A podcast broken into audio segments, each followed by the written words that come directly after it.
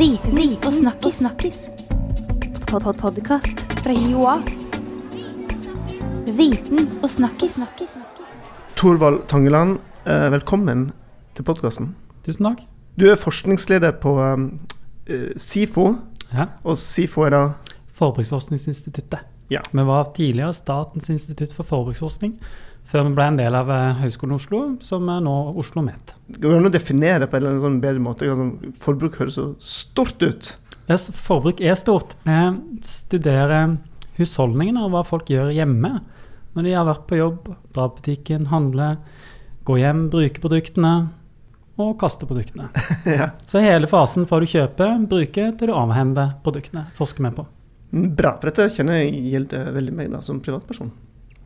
Eh, Du er da spesielt du er forskningsleder der, og du er spesielt fokusert på det Ja, jeg er leder for en gruppe som heter Teknologi og bærekraft. Mm. Eh, og mitt forskningstema er bærekraftig forbruksutvikling og samfunnsutvikling. Hvordan vi kan endre samfunnet med bærekraftig retning. ja. Og da må du definere bærekraftig, for det er et sånt ord vi hører hele tiden. Altså, bærekraft har vært et sentralt ord i den norske politiske debatten og samfunnsdebatten de siste 40 årene, fra Brundtlandskonvensjonen. Eh, og den har tre pilarer. Den ene er miljømessig bærekraft, økonomisk bærekraft og sosial bærekraft. Det norske samfunnet kan på mange måter beskrives og ivareta i hvert fall to av de. Og Det er den økonomiske og den sosiale, som er på mange måter det som Brundtland-konvensjonen kalte for et rettferdig samfunn. Men vi er en storeksportør av klimagasser gjennom produksjon av oljeprodukter og gass. Og vi har store uh, utslipp av klimagasser. Pluss eh, forbruk og samfunnet vårt har stor påvirkning på miljøet. Så han kan stille spørsmålstegn hvor stor grad det norske samfunnet er miljømessig bærekraftig.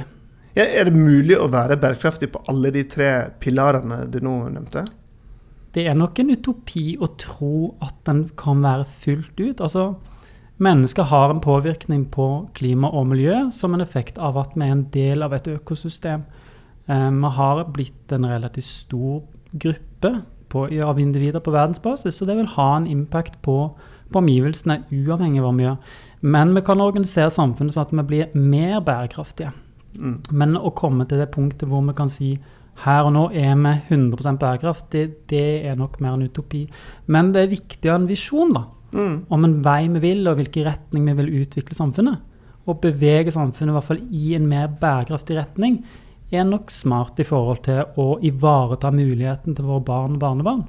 Men, men når du sier det er en utopi, og jeg sitter her som forbruker og skal liksom skjerpe meg på en del ting, tror ikke du vi forbrukere kan bli litt sånn gi opp og bare leve videre sånn som vi er? Jo, altså Vi har jo studert forbrukernes miljøholdninger i Norge siden 90-tallet på SIFO. Det vi har sett at det, det har vært en nedgang i det som kalles for forbrukeransvar. At forbrukerne tenker at de har et ansvar for å løse klima- og miljøutfordringene. Det er fremdeles veldig utbredt holdning at folk har en ansvarsfølelse om at de har et ansvar for å løse og bidra konstruktivt. Samtidig så ser vi at eh, troen på at ny teknologi kan løse klima- og miljøutfordringene stiger jevnt og trutt. Og det er på mange måter en sånn passifisering av forbrukerne sin rolle i en retning av å stole på at teknologien skal fikse ting, at vi kan fortsette å leve livene våre som vi gjør i dag. Reise like mye, bare med en annen måte, elektriske biler, som har en lavere miljøpåvirkning enn de fossile. Men de har fremdeles en stor miljøpåvirkning i negativ retning. Mm. Ja, og, og så tenker du at nå i den siste tiden er jo blitt snakka mye om plastikk. Vi så noen fæle bilder av fisk og hvaler med plastikk eh, i magen. og tenker vi mye på det, og så blir vi flinkere på det, og så snakker vi mye om det. Men, men det er jo ikke det bare en sånn trend som kanskje går over om et halvt år, og så er vi tilbake? Kan godt hende, men det kan òg føre til at vi får en bevissthet rundt at vi har noen andre handlingsalternativer. At vi kan bruke bærenett produsert av organiske produkter som er nedbrytbare. Plasten lar seg ikke bryte ned, og det er et stort akkumulativt problem. Så desto lenger vi fortsetter å bruke plast i dagliglivet, daglig vårt, desto større problem får vi. Så hvis vi er villige til å ta noen grep nå, så trenger vi å gjøre mindre endringer enn vi trenger å gjøre hvis vi skal ta de endringene lenger frem i tiden. For da har vi større problemer enn vi har i dag. Litt tilbake til dette med for du snakker om forbrukermakt og ansvar. Altså, har vi forbrukere egentlig makt i, i det store bildet? her? Altså, ikke, må ikke myndighetene ta seg av dette, her, eller f.eks. industrien, de som pumper opp oljen og lager plastikk? Har vi noe som vi skulle sagt med Vi som forbrukere har en makt til å velge produkter som er bedre og mer miljøvennlige enn de miljøfiendtlige. Men da er vi avhengig av at de produktene fins Mm. og er tilgjengelige i butikkene. Så det vil alltid være et samspill mellom forbrukerne og tilbudssiden i forhold til hvilke typer produkter vi kan velge. Eller la være å kjøpe produkter i sin helhet. Um, men det er alltid det er tre grupper som har et ansvar for å endre samfunnet med bærekraftig retning. og Det er jo politiske myndigheter eh, i forhold til hva slags type reguleringer han legger opp til, og næringslivet i forhold til hvilke type produkter de tilbyr. Det må være sett når vi spør forbrukerne hvem mener dere har mest ansvar, så sier de først og fremst myndighetene, deretter næringslivet, og så seg sjøl.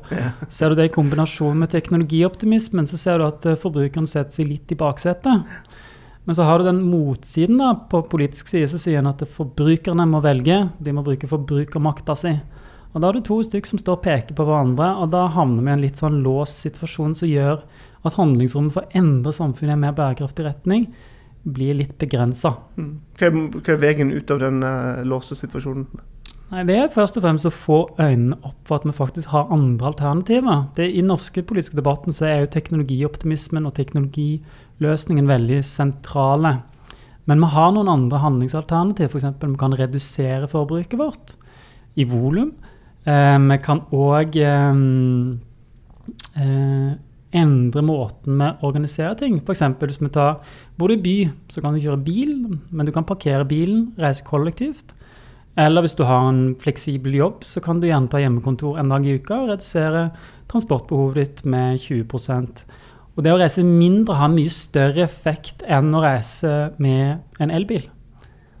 Ja. Mens noen forbruksområder er er det vanskelig å se at teknologi i seg sjøl kan løse eller gjør forbruket mindre miljøbelastende. F.eks. kjøtt.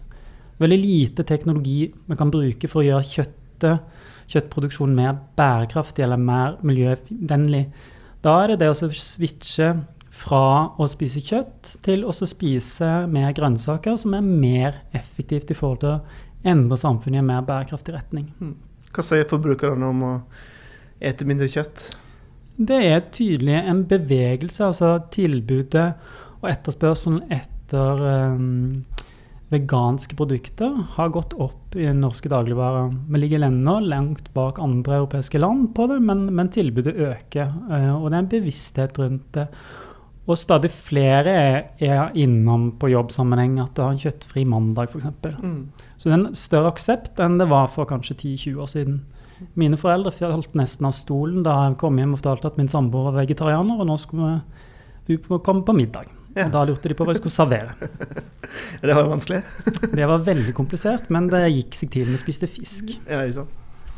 Um, litt tilbake forbrukermakt. Har du flere eksempel på det? Altså, jeg, jeg tenker litt tilbake på den palmeolje som var et, jeg, en trend, eller kanskje noe som var veldig tabloid en liten periode. Var, var det et eksempel på forbrukermakt? At det var så opp og diskutert, og så Det var nok en kombinasjon eh, av at forbrukerne så at eh, det hadde miljø, negative miljøeffekter, men òg helseeffekter, som er kanskje enda nærere og lettere å motivere folk til å endre atferd, ved at de ser at det har en direkte effekt på, på kroppen deres. Um, samtidig som næringsaktørene så at det, det var et mulighetsrom, eh, rent markedsøkonomisk, og så ta det segmentet.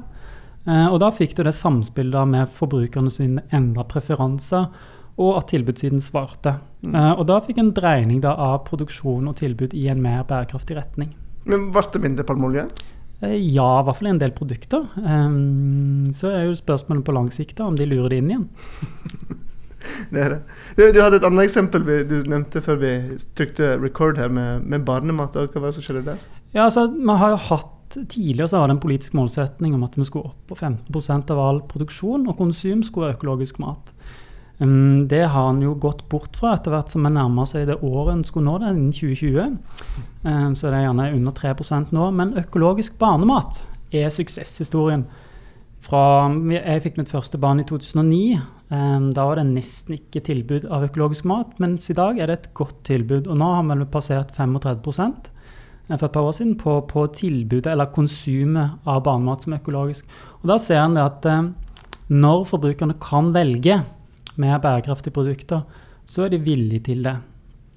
Men så har vi òg sett i andre studier vi har gjort på hvorfor folk velger å ikke kjøpe økologisk mat. Og da sier jo alle sier at ja, det er økologisk mat er dyrt. Og det sier både de som kjøper, og de som ikke kjøper. Men når vi kontrollerer for de ulike barrierene folk opplever mot å ikke kjøpe, så er det det om de ser fordelene med økologisk mat, ikke pris, som mm. bestemmer hvor ofte de kjøper. Så hvis folk forstår mer av hvordan mat produseres, så er det lettere å forklare dem hvorfor de må endre forbruket sitt i en mer bærekraftig retning. Så kunnskap, rett og slett? Kunnskap er en viktig element i forhold til å endre hva, hvorfor folk gjør det de gjør. Men ikke tilstrekkelig. Holdningskampanjer virker veldig sjelden mm. effektivt i forhold til å endre atferd. Men det handler mer i hvert fall på mat og produkt og forbruksprodukter. Så handler det om å gi forbrukerne muligheten da, til å velge de riktige produktene. Mm. Men hvis den virkelig vil endre forbruket i en mer bærekraftig retning, så må den nærmest forby alle miljøfiendtlige produkter, sånn at uh, sluttproduktene som forbrukerne kan velge mellom, er de gode produktene.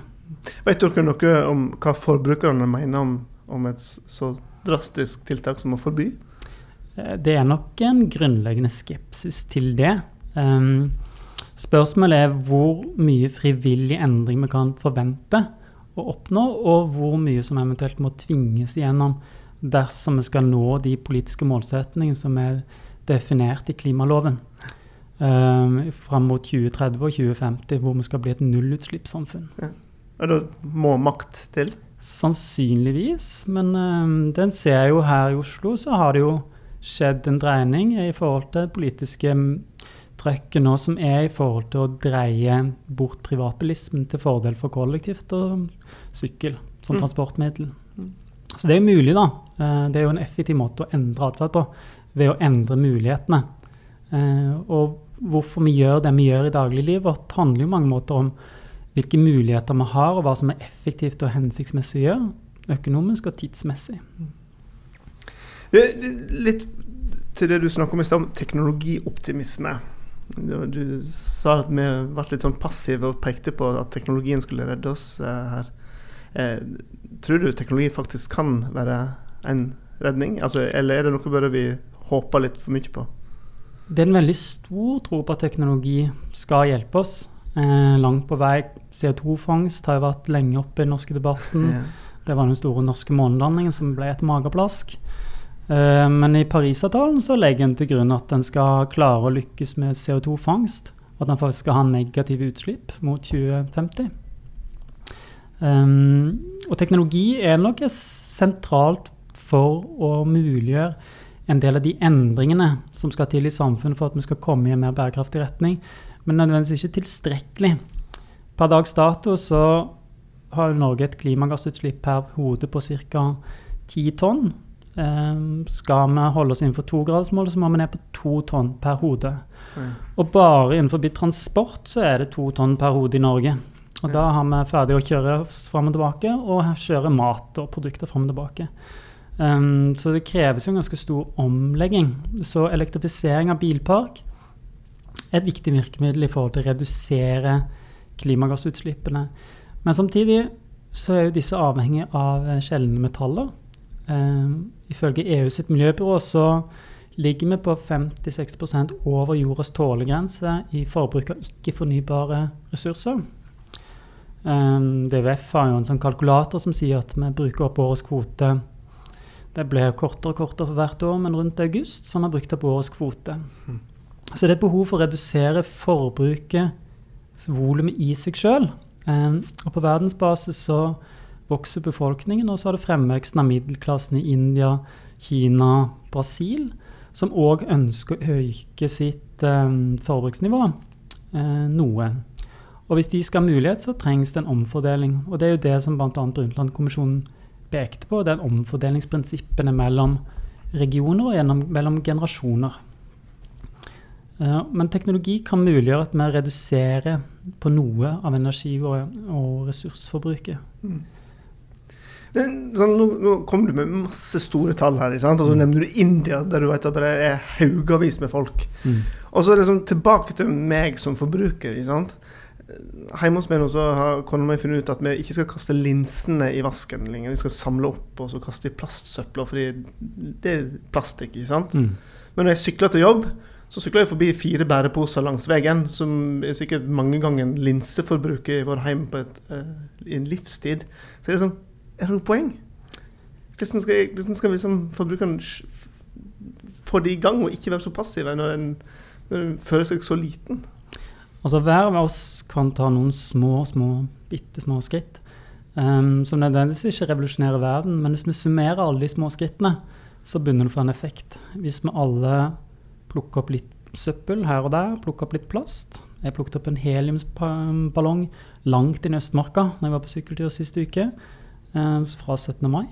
Eh, og alle disse små tingene bidrar til å bevege oss i en litt mer bærekraftig retning. Med mindre søppel, eh, og vi kan få bukt i, i hvert fall Det er bedre å gjøre noe enn å ikke gjøre noe. Mm. Men, men det, tenker forbrukerne der ute det? Det?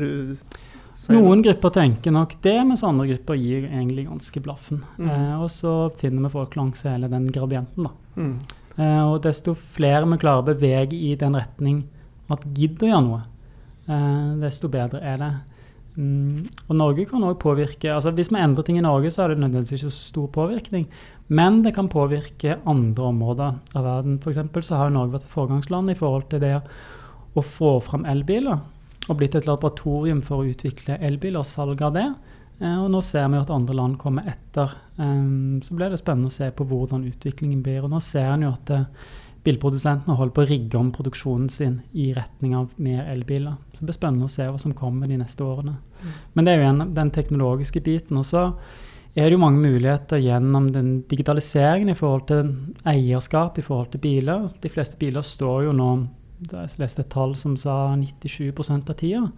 Det sier jo litt om et samfunn som har råd til å binde opp flere hundre tusen i hver husholdning i biler som ikke brukes. Så da kan man stille spørsmål til trenger vi å eie en bil, eller kan vi dele? Og hvis vi kan begynne å dele biler, så trenger vi færre biler. Nå har vi to millioner personbiler i Norge og ca. to millioner husholdninger. Um, og hvis vi kan ha færre biler, så vil det bli mindre påvirkning på miljøet ved at man trenger å binde opp mindre ressurser i bilene. Mm. Vi må endre oss litt for å, for å tenke den tanken om at kan, jeg kan dele bilen min med, med andre. Altså, det å organisere seg på en helt annen måte. Er, er forbrukerne klar for å, å organisere seg på en helt annen måte? Dele tingene sine, f.eks.? Det er nok eh, krevende å tenke at den skal det, at bilen har en opsjonsverdi i det at den bare står der. Tanke på at jeg har en frihet. Jeg kan sette meg i bilen og kjøre hvor jeg vil, når jeg vil og hvor langt jeg vil. er jo en frihetsbit og en del av det fritidssamfunnet og det mobile samfunnet som har vokst fram etter krigen. En skal ikke så langt tilbake, noen tiår, før vi kjørte vesentlig mye mindre enn vi gjør i dag. Men, men det er en del av den kulturen vår som har vokst frem, og sentralt i forhold til hva vi liker. Eh, fritidssamfunnet er viktig, og bilen er viktig der. Um, så det er en utfordring å presse frem, eller se at det er mulig. Men, men bor du trangt, eller bilen står, og så er det et hassle kanskje tidvis å ha bilen, særlig på vinteren. Det kan være deilig å slippe å ha bil da, og slippe å måke den frem hvis du bor i byen. Så for noen grupper så vil det være attraktivt å kunne dele. Småbarnsfamilier, sånn som meg, med fire små barn, er det fint å ha tilgang på den store bilen de gangene jeg skal ut. Og de gangene jeg skal ut, er nødvendigvis ikke så lett å planlegge. Nei. Men Torvald, du som sitter og forsker på oss forbrukerne og, og vet alt om hva vi tenker å gjøre, nesten. Eh, er det noe håp? Har du trua, eller blir du bare lei deg når du ser eh, forbrukerne eh, sine valg og passi passiviteten og sånn? Det er jo tidvis skremmende, um, basert på når FNs klimapanel kommer med sine prog prognoser og sier hvordan det kan utvikle seg mot et våtere, villere klima. Så er det jo skremmende. Uh, særlig omstillingshastigheten er ganske lav eh, i forhold til de tydelige anbefalingene som er knyttet til endring. Eh, så endringene går nok litt seinere enn det en kanskje skulle ønske.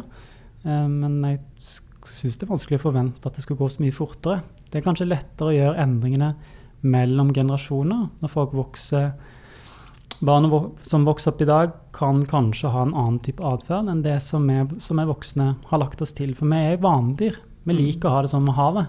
Og omstilling er en kostbar ting som vi prøver å unngå så best vi kan.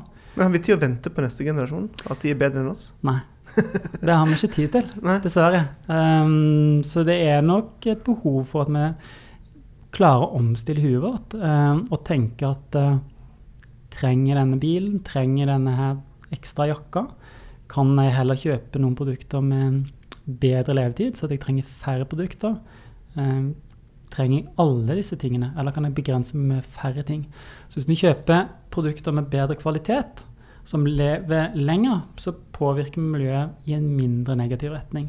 Så hvis vi kan bevege oss fra å kjøpe sånn fast fashion-klær som vi bruker et par ganger, så kaste, i retning av produkter som lever lenger, så vil vi klare oss å redusere den negative belastningen på miljøet, samtidig som vi kan opprettholde den levestandarden vi har i dag. Så, så jeg, jeg tolker det som at det er et lite håp der. eh, Ja, altså Det er positivt der, men så ser du på EU, så pågår det en prosess nå mot å endre reklamasjonstiden på hvitevarer til ett år.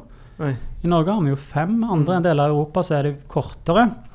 Så for EU som helhet så vil jo reklamasjonstiden bli bedre for flere borgere av, av eh, unionen. Samtidig så vil det være en veldig svekkelse eh, i forhold til produktlevetid hvis det da går ned til ett år. Um, så heller må en jobbe fram med å presse frem lengre levetid på produkter og gjøre at det er lettere å reparere uh, og bytte ut slitedeler på produktene, sånn at de kan ha lengre levetid. Så en sånn type endring altså Den er jo skremmende, den endringen i forhold til reklamasjonstid. Så det blir spennende å se hvor den ender, da. Mm. For den kan ha en stor negativ virkning ved at vi beveger oss i en mer, mindre bærekraftig retning enn som er behovet.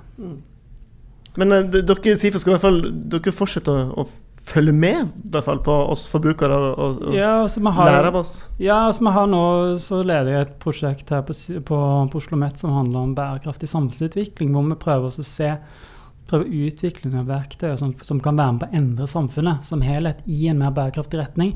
Fordi at uh, Utfordringen er å ivareta både det økonomiske, det sosiale og det miljømessige samtidig. Um, I Norge så har vi en omstillingsprosess knyttet til at vi kanskje skal fase ut petroleumssektoren. Uh, det vil ha store økonomiske og sosiale konsekvenser hvis det gjøres på en ikke bærekraftig måte. Så en må klare å tenke disse tre områdene samtidig. Uh, men også finne løsninger på hvordan vi organiserer samfunnet sånn at de miljømessige sidene i større grad blir ivaretatt. Um, og det er jo kanskje en av de største utfordringene i årene som kommer. Mm. Og der spiller nok forbrukerne en rolle ved at de kan stille krav, eh, men, men i like stor grad som samfunnsborgere som stemmer inn politikere. Og stemmer inn politikere som ønsker å endre samfunnet i en mer bærekraftig retning. Men en ser jo at bærekraft og miljøspørsmål ofte kommer lenger ned på agendaen ofte. Det er gjerne distriktspolitikk foran. Det er næringspolitikk og økonomisk politikk. Eh, Kristin Halvorsen, når hun var finansminister, nå leder for Cicero, sa nå må vi dra kortene når finanskrisen var. Finanskrisen gjorde jo på mange måter det motsatte. Det muliggjorde en endring av samfunnet i redusert forbruk. Men da så jo en, en politisk leder i et parti som slåss for miljøet, som òg nå jobber med det, eh, trumfa det økonomiske foran. For det var viktigere, den økonomiske bærekraften, fremfor den miljømessige bærekraften. Ikke lett å være politiker og prioritere. Nei, det er nok vanskelig å prioritere. Alltid. Mhm. Eh, Torvald Tangeland, tusen takk for at du kom til podkasten og delte din kunnskap om dette altfor store temaet. Tusen takk for at jeg fikk komme. Det var veldig gøy. Um, og så får vi forbrukere bare skjerpe oss litt. Grann, da. Ikke være så fordømt passive, som du sier. Ja, være aktiv og velge Tenke igjennom når en kjøper. Trenger jeg virkelig det? Kan jeg klare meg uten? Kan jeg klare meg med to bukser istedenfor 50? Ja. Jeg tar med meg. Jeg, skal, jeg, skal, jeg lover jeg skal tenke. og til dere som hørte på, tusen hjertelig takk. Det, hvis du har lyst til å få neste podkastepisode automatisk ned i podkastspilleren din, så vil jeg anbefale deg å trykke 'abonner', for da skjer alt automatisk. Og det er det veldig enkelt, vet du.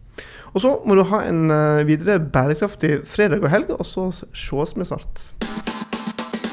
Viten og snakkis. snakkis. Pod -pod Podkast fra Joa. Viten og snakkis.